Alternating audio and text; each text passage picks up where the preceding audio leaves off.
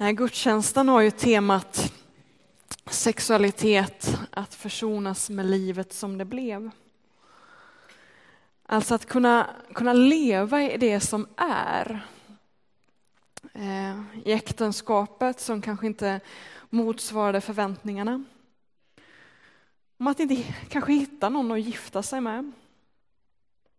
Om att vara enkling eller änka om att inte kunna få några biologiska barn. Och någonting som vi sällan talar om, att avstå från detta av helt fri vilja. Att avstå från äktenskap, att avstå från barn för himmelrikets skull. Och till sist, hur ska man förhålla sig till sin könsidentitet mitt i allt detta? Hur ska man förhålla sig till sin sexuella identitet mitt i allt detta. Ett jätteämne med andra ord. Eh, jag vill lägga den här predikan i Guds händer. Jesus, du vet vad vi bär på in i den här gudstjänsten och jag ber om nåden att få höra dig tala mitt i allt detta. Tala till oss var och en och jag ber att du skulle hjälpa mig i den här predikan att, att vara koncentrerad och kunna säga det som är viktigt och tala ord från dig. I Jesu namn. Amen.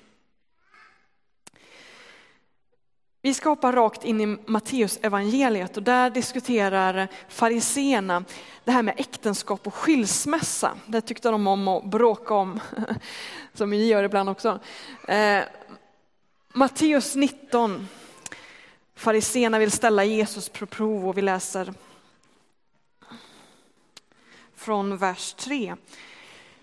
Några fariseer kom fram till honom för att sätta honom på prov och frågade är det tillåtet för en man att skilja sig från sin hustru av vilken anledning som helst? Han svarade, har ni inte läst att skaparen från början gjorde dem till man och kvinna? Och han fortsatte, därför ska en man lämna sin far och sin mor för att leva med sin hustru och de två ska bli ett. Det är inte längre två utan ett. Vad Gud har fogat samman får människan alltså inte skilja åt. De frågade, varför har i så fall Mose bestämt att mannen ska skriva ett skilsmässobrev för att skilja sig? Han svarade, därför att ni är så förstockade tillät Mose er att skiljas från era hustrur. Men från början var det inte så. Jag säger er att den som skiljer sig från sin hustru av annat skäl än otukt och gifter om sig, han är en äktenskapsbrytare. Lärjungarna sa, om mannens ställning till hustrun är sådan är det bäst att inte gifta sig. Han svarade, alla kan inte tillägna sig detta, utan bara de som har fått den gåvan. Det finns sådana som är utan kön från födseln och sådana som av människor har berövat sitt kön och sådana som själva har gjort sig könlösa för himmelrikets skull. Den som kan må tillägna sig detta. Här säger Jesus att egentligen är äktenskapet en förening som inte kan brytas. Det går inte. Men eh, den gammaltestamentliga lagen, alltså Mose har ändå gett ett kryphål. Och vad det är för kryphål, vilka anle av vilken anledning man kan skilja sig eller inte, vi, vi bara lämnar det. Det är ett jätteämne i sig, utan låt oss istället koncentrera oss på de sista verserna. När Jesus säger att när, eller när lärjungarna frågar om det är så, om det här med äktenskap ser ut så här, om det är en förening som faktiskt inte går att bryta, men då är det ju faktiskt bäst att inte gifta sig, säger ju lärjungarna. Och så svarar Jesus väldigt kryptiskt, måste man ändå säga. Eh, han säger att alla, alla, det som jag säger nu kan inte alla tillägna sig. Och så säger han att det finns de som är könlösa av födseln, de som har blivit könlösa genom människor och de som har eh, gjort sig själva könlösa för himmelrikets skull. Och jag gillar inte riktigt ordet könlös eller att man har berövat sitt kön. Eh, I grundtexten står det enuk. Eh, och det är inte riktigt enkelt vad, vad, att förstå vad det är Jesus menar. Alltså en nuck i de omgivande kulturerna, inte inom judendomen, var ju någon som hade eh, kastrerats i tidig ålder och som sedan, och det gjorde man för att man skulle kunna ha eh, vara fri från de här familjebildningarna i ett slags prästämbete eller någon form av maktposition. För att man skulle kunna vara helt lojal med, med med, med, med religiösa systemet eller med, eh, med makten. Men, men det praktiserar man ju inte inom judendomen. Inom judendomen så, så, så var äktenskapet det var Guds väg. Eh, till skillnad från till exempel andra religioner som hinduism och buddhism, när man, när man säger att celibatet det är liksom den religiösa vägen, det är Guds väg. Men inom judendomen var äktenskapet, det var det högsta. Och enucker var inte tillåtna att beträda tempelplatsen, de var orena ansåg man. Så därför är det anmärkningsvärt att Jesus faktiskt talar om enucker på det här sättet som någonting som är liksom, som man kan göra för himmelrikets skull. Det, det, det är anmärkningsvärt. Eh, och frågan är, liksom, menar han liksom bara bokstavliga enucker eller vad menar han? Och jag tror och många med mig att det handlar mest om, eller det handlar, eh, eh, man måste nog förstå det ordet ur bredare perspektiv. Och jag tycker bättre om levande bibelns översättning. Eh, så här står det i slutet av det ordet. Levande bibeln är en parafras som jag vet att många av er läser som är lite lättare att läsa. Då står det så här, en del föds utan möjligheter att gifta sig. En del har berövats den möjligheten av människor och andra avstår från att gifta sig för himmelrikets skull. Den som förstår detta, han rättar sig efter det. Ehm. Och jag tycker den här översättningen är mycket bättre än ordet könlös. För, för de som har tänkt mycket kring det här med celibat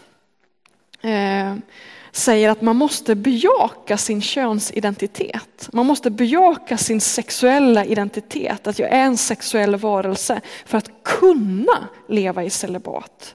Alltså man, om man lever i celibat, då är man inte könlös. Nu tror jag att Bibel 2000 menar så här att det, man, man, man, eh, man eh, tänker på detta, det här att en, enuk bokstavligen blir av med sitt kön, alltså, att man, alltså könsstympning, att det är det man liksom syftar på. Men vi, vi missförstår det här lätt, så därför tycker jag det är bättre att skriva så här. Eh, det handlar inte om att bli könlös, utan det handlar om att inte leva i ett äktenskap. Och jag ska återkomma till detta med att bejaka sin sexualitet, sin könsidentitet sedan. Låt oss bara titta på de här tre olika anledningarna varför, varför man inte är gift. Ehm, för det första så säger Jesus att, att det finns de som på grund av födseln saknar möjlighet att gifta sig. Alltså det kan finnas biologiska orsaker till att man inte kan ingå i en sån relation som skapelseberättelsen berättar om, alltså en relation mellan en man och en kvinna, ett heterosexuellt äktenskap. Eh, och jag tror att vi kristna ibland blundar för det. Utifrån det som Marika och Stefan nämnde, att vi, vi har den här, så här ska allting vara och alla människor ska passa in i den mallen. Eh, det finns ju de som menar att om man till exempel är, det finns de kristna som menar att om man är homosexuell till exempel, så om man bara ber tillräckligt mycket så blir man heterosexuell. Och det tror jag är naivt. Det är naivt. Det finns människor som, som får en annan sorts könsidentitet och därmed inte kan ingå i ett heterosexuellt äktenskap. Så är det. Jesus liksom bara, ja, så är det. För det andra, det finns de som berövats möjligheten att gifta sig av andra människor. Och på Jesu tid då, då funkar ju det här med äktenskap så annorlunda. Då var det ju arrangerade äktenskap och då kunde ju människor liksom sätta fingrarna i hjulet på ett sätt. Idag funkar det ju annorlunda och idag skulle vi säga att men, man hittar ingen att gifta sig med. Det, det liksom klickar inte. Omständigheterna blir sådana att men, det blev inte den vägen. Och för det tredje, det finns de som för himmelrikets skull avstår från att gifta sig. Och Paulus verkar vara en sån, antingen, man tvistar om det där om han, om han eh, från början att han, var, att han var ogift, hade valt celibatet som väg, eller om han var änka, enkling heter det, ehm, och sen avstått från att gifta om sig. Men han talar om detta i första Korinthierbrevet 7, om att, att han själv lever i celibat och han tycker att det är en god väg och önskar att fler valde den vägen. Eh, eftersom då, man då odelat kan kan ge sig åt Jesus och så älska hela världen. Och det är det celibatet handlar om. Man, man avstår från att älska en man för att kunna älska hela världen. Eller man avstår från att älska en enda kvinna, en enda familj för att kunna ge sig åt världen på ett fullt sätt. Och det är någonting som vi inom den protestantiska kristenheten typ aldrig pratar om, mer än i skämtsamma termer. Eh, ibland undrar jag, alltså, Stefan Stenfeldt var inne på det här, så är kärnfamiljen en avgud i den protestantiska delen av kristenheten? Jag tror att det kanske kan vara så. Men inte lika mycket som tvåsamheten är en avgud i vår del av kristenheten. Både egentligen i kyrkan och i världen. Vissa inom frikyrkan tror att, att skilsmässorna ökar liksom i västvärlden för att vi, vi Eh, för att äktenskapet inte är viktigt längre. Och det, det, det tror jag och många med mig är felaktigt. Snarare har det blivit för viktigt. Alltså vi har så höga förväntningar på detta äktenskap, på denna kärleksrelation. Så att det, liksom, det funkar inte. Vi är på jakt efter den perfekta kärleksrelationen och därför bryter vi upp efter relation efter relation. Vi har skeva förväntningar på äktenskapet. Eh, vi tror att, att denna kärleksrelation ska tillfredsställa allt hela hans behov av lycka, av mening, kärlek och frid. Och det, det är ett behov som endast Gud kan fylla. En man kan inte älska mig så mycket som jag behöver bli älskad. Det kan bara Gud. Och det glömmer vi bort ibland när vi pratar om detta med kärlek. Och till er föräldrar, en parentes. Du kan aldrig älska ditt barn så mycket som ditt barn behöver bli älskat. Det är bara Gud som kan göra det. Och det är en befrielse att släppa det. Att den törst som jag har efter kärlek, det är Gud som kan tillfredsställa den. Det är Gud. Och ibland blir då tvåsamheten en avgud, alltså något annat än Gud som ska fylla det behovet.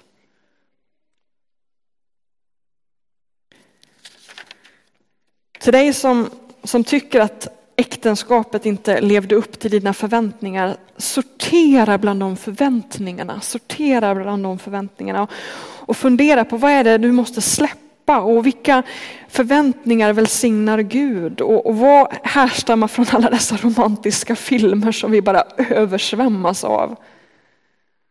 Sortera i dina förväntningar, samtala med någon, fundera på vad är Jesu väg det. Det finns en, en tidskrift eh, som heter Nord, som Örebro Missionsskola ger ut. Det är en slags, en slags eh, det är en tidskrift som skriver, eh, gör samhällsanalyser ur ett kristet perspektiv. Och varje nummer har ett tema och varje nummer har också en konstutställning. Det är festlig tidning på det sättet. Och 2008 så gav man ut ett nummer som hette Den heliga familjen. Eh, om äktenskap, eh, celibat och vardagsgemenskap. Det här numret blev jättedebatterat på nätet när den kom ut och därför la man ut hela numret på, eh, på, som pdf-fil. Annars finns den inte på nätet, men just detta nummer kan man söka. Om man söker på NOD, N-O-D, och så den heliga familjen så får man upp den pdf-filen. Jag lägger upp en länk till det numret sen på vår blogg. Ehm, och det blev debatterat för att här ville man ifrågasätta den här kärnfamiljen som vi hela tiden hyllar inom frikyrkan. Och det några trodde då att alternativet till kärnfamiljen skulle vara samboskap till exempel och det blev massa rabalder. Och det var inte vad man ville göra utan man ville lyfta fram det som också Jesus talar om, alltså celibatet, församlingen som, som andra livsformer jämte det här med kärnfamiljen.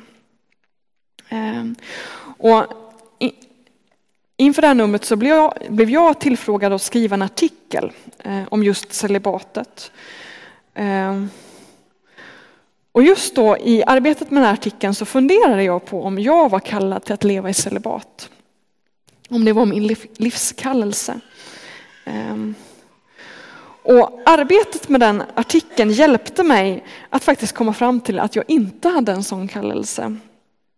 I alla fall inte. Och det var av anledningen att jag inte vid den tidpunkten aldrig hade varit förälskad. Och nu är jag lite personlig en stund. Jag hade aldrig varit förälskad och därmed visste jag att jag vid den tidpunkten faktiskt inte hade en kallelse att leva i celibat. Vi inom frikyrkan har tänkt tvärtom i det. Därför vill jag säga det. Jag, i, I den litteratur jag läste om celibatet så förstod jag just detta som jag sa förut. Man måste vara i kontakt med sin sexualitet för att kunna avstå från att ha sex.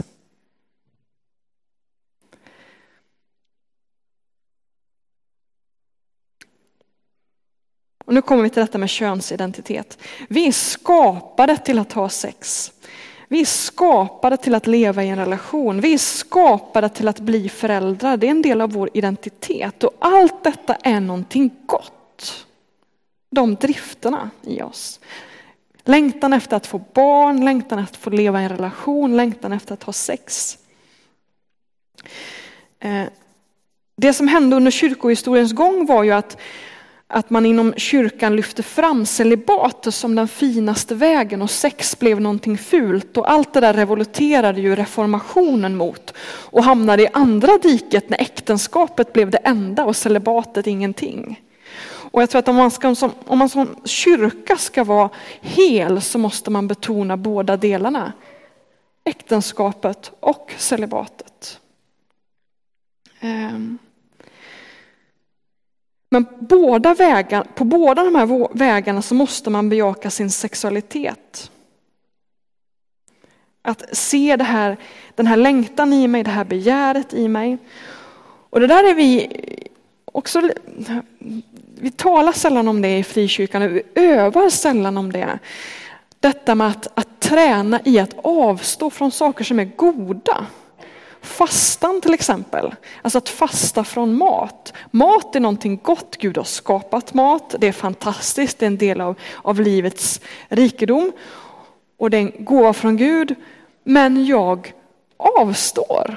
Finns med min hunger, med mitt begär och jag avstår för en tid. Och de inom kyrkan som har övat sig i detta menar att, att det här är också ett sätt att, att, att, att, att träna sig i detta för att också kunna leva i kyskhet. Att faktiskt öva sig i fasta. Just detta att, att kunna säga att det här begäret är någonting gott, men jag avstår. Det här är en del av mig, men jag avstår.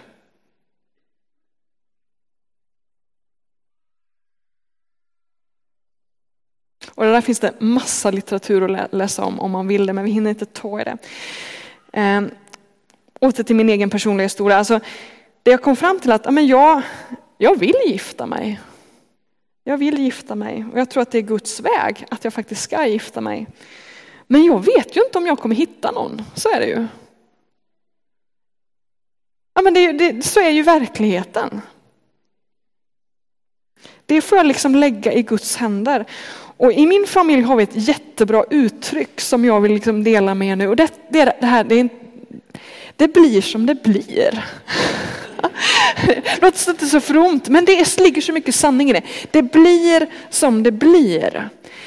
Och bakgrunden till det uttrycket i min familj är att min pappa är sjöman. Jag har också med att min mamma är sjuk. Men vi tar båda, båda de historierna. Min pappa är sjöman.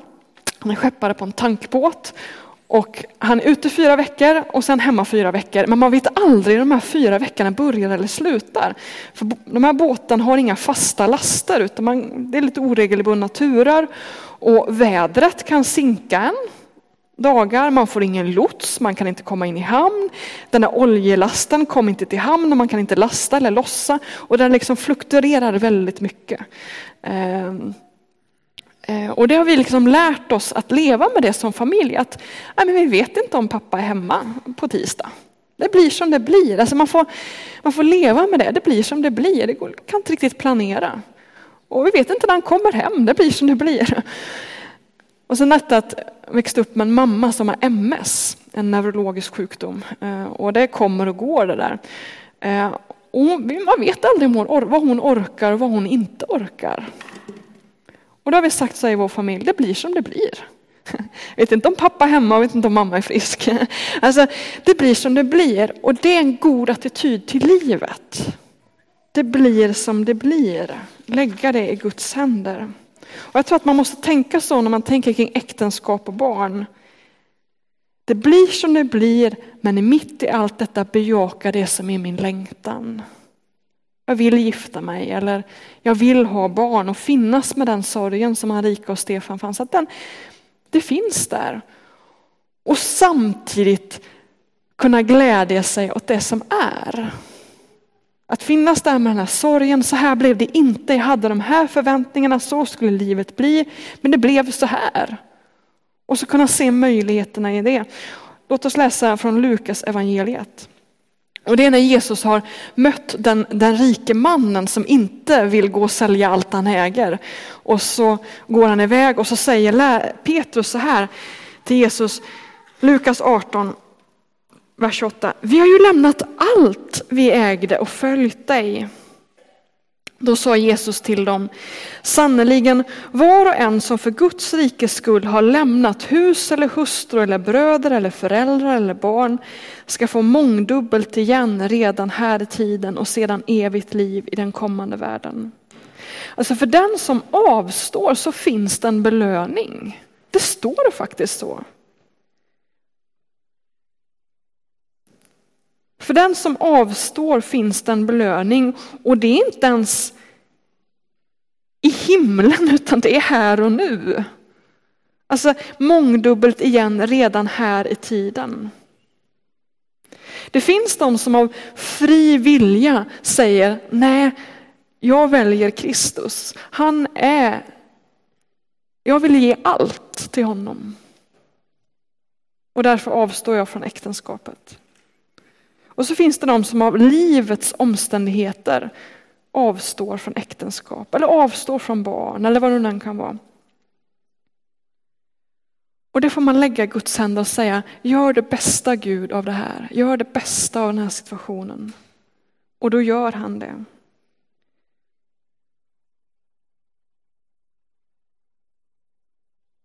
Och det handlar inte bara om de som, som inte finner någon att gifta sig med, utan det är ju alla dessa som blir änka eller änkling tidigt i livet eller sent i livet. Alltså ensamheten kommer någon gång för väldigt många. Att kunna avstå och kunna se Guds väg i det, kunna försonas med det som blev, följa Kristus i det som blev och kunna glädja sig åt allt det, gott, det goda som Gud ger mig i det som sker. Även om vi i frikyrkan har avgudat tvåsamheten så har vi ibland skämtsamt talat om detta om celibatet som en nådegåva. Vet, eh, märkliga nådegåvstestet, har ni gjort det? Man ska, och så någon som säger lite skämtsamt, men den gåvan har i alla fall inte jag. Alltså, visserligen Paulus talar om det som en gåva, eh, att leva i celibat. Eh, men när vi har pratat om det så har vi trott att den som har den gåvan, att, att, man, att den är asexuell, alltså att man inte har den attraktionen och därför, det är det som gåvan innebär, att jag inte känner någon sexuell attraktion, därför väljer jag den här vägen. Så är det inte. Så är det inte. Utan snarare tvärtom, man står där med sin sexualitet jag är en sån här människa och nu väljer jag den här vägen och nu blev det så här. Att vara i kontakt med din längtan. Och nu börjar vi gå ner mot landning. Till dig som sörjer över det som blev. Temat för den här gudstjänsten var ju att försonas med det som blev. Du som sörjer hur ditt liv blev. Sörj. Och tänk inte för mycket på det här, var det Guds mening det här och vad ville Gud med det här? Och det som den här sången handlar om eh, innan den här predikan, att det finns så mycket sorg, det finns så mycket frågor som vi inte får, vi vet inte svaret på det. Det behöver inte finnas en mening med varenda liten grej som sker. Vi lever i en oerhört kaotisk och komplex värld. Och i den kaotiska och komplexa världen så får vi följa Jesus. Så får vi följa Jesus. Det finns en nyckel i detta med korset. Vi följer Jesus. Och Jesus säger att vi ska ta, och, ta vårt kors och följa honom. Korset, mina vänner, var, det var inte Gud som korsfäste Jesus. Det var inte Fadern som korsfäste Sonen. Fadern hade sänt Jesus in i världen, men det var vi syndare som korsfäste Jesus. Och genom att Jesus gav sitt, la sitt liv i Faderns händer, med allt det som skedde av allt den här, all den här röran, så blev det till, Gud, till välsignelse för andra människor. Visst, det finns en mening med korset, men det är det bara för att han för att Jesus la korset i Guds händer. Hade Jesus inte gjort det så hade det inte funnits någon mening, för det är något ont. Korset är någonting ont.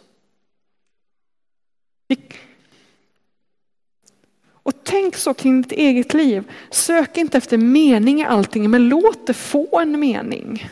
Alltså lägg det i Guds händer, som också Marika och Stefan var inne på. Att nu är det så här, nu gör vi det bästa av det här. Alltså att lägga det i Guds händer och låta det bli till välsignelse.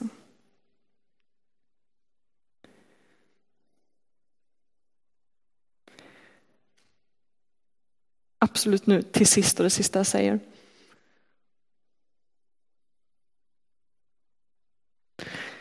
Marika och Stefan var inne, var, inne på detta, vad passar jag in i det här? Liksom? Vem är jag i det här? Det som är gemensamt för oss här inne, det är att vi följer Jesus. Det är vår identitet. Det är vår identitet. Det är det viktigaste. Det finns det knepiga med att tala kring det med barnlöshet, beröra det ämnet, det är ju att vi Gamla testamentet är full av berättelser om kvinnor som är barnlösa och som till sist får ett barn efter en lång väntan. Och då måste vi komma ihåg att alla de där berättelserna om kvinnor som får till sist ett barn handlar om Guds, hur Guds folk växer. I Gamla testamentet så växer Guds folk genom biologiska barn. Alltså Guds Mm, eh, hur ska jag uttrycka det? Eh, Guds folks framtid ligger liksom i Saras händer, om hon kan få barn eller inte. Och där griper Gud in. Och det som är unikt för kyrkan då jämfört med gamla testamentet, det är att vi som folk växer inte genom att vi får barn, utan genom att vi vittnar och hjälper människor att lära känna Jesus. Det är så det här folket växer. Och det är därför Gud, eller Jesus liksom öppnar upp den här vägen för celibat. Nu är, är det någonting annat och jag tror att vi som kyrka måste komma ihåg det och öppna famnen för alla olika sorters människor. Inte bara denna kärnfamilj, utan olika sorters människor som följer Jesus. Det är vår identitet. Och det är i den här relationen till Jesus mitt begär efter kärlek kan tillfredsställas. I den relationen, det är vårt evangelium. Att vi har en Gud som älskar oss. Och att det är där vi får frid med vårt liv. Inte i den där familjen, inte ihop med den här partnern. Det är hos Jesus den friden finns. Det betyder inte att man ska förneka sin längtan efter att träffa någon eller att få barn. Men det finns en frid i relationen till Jesus. Där stannar jag. Som sagt ett jätteämne, ett jätteämne. Eh, och det finns så mycket att läsa. Läs gärna det här numret. Fråga mig om du vill ha boktips kring det här. Och låt oss fortsätta samtalet hur vi kan bli en församling där alla får plats. Hur vi kan få bli en församling där alla får plats. Nu ska vi ha en liten bönestund, vi ska sjunga lovsång. Och då har vi de här vanliga bönestationerna, att man kan tända ett ljus vid ljusbärarna, man kan falla på knä inför Jesus. Man kan komma till förebedjare som ber för en. Och jag gör ingen specifik inbjudan, utan var och en kommer med sitt böneämne. Det som du har på hjärtat och som du vill komma till Jesus med. Det kan vara vad som helst. Kom med ditt bönämne till Jesus. Kom med din längtan. Kom med din sorg.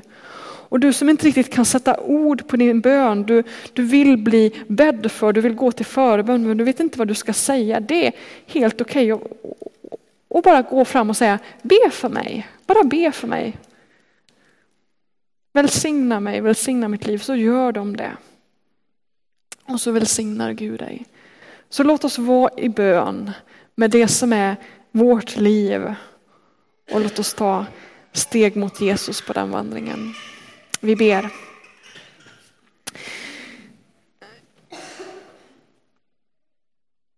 Jesus, du ser vår längtan efter att få bli en församling där alla får plats. Med olika bakgrund och familjesituation och olika sexuell läggning. Där alla får rum. Och där alla får hjälp att kunna följa Jesus ännu mera. Och du ser vår hunger efter kärlek, vår hunger efter frid och harmoni och det där livet som vi drömmer om. Jesus kom och möt vår längtan på det sätt som du kan göra. Var med den som sörjer att kunna sörja och samtidigt glädja sig åt det som är. Hjälp den som brottas med sin framtid, om hur det kommer bli. Hjälp den att lägga, lägga sitt liv i Guds händer och låta det bli som det blir. Herre, vi är i bön här inför dig. Tala till oss, dra i oss och välsigna oss.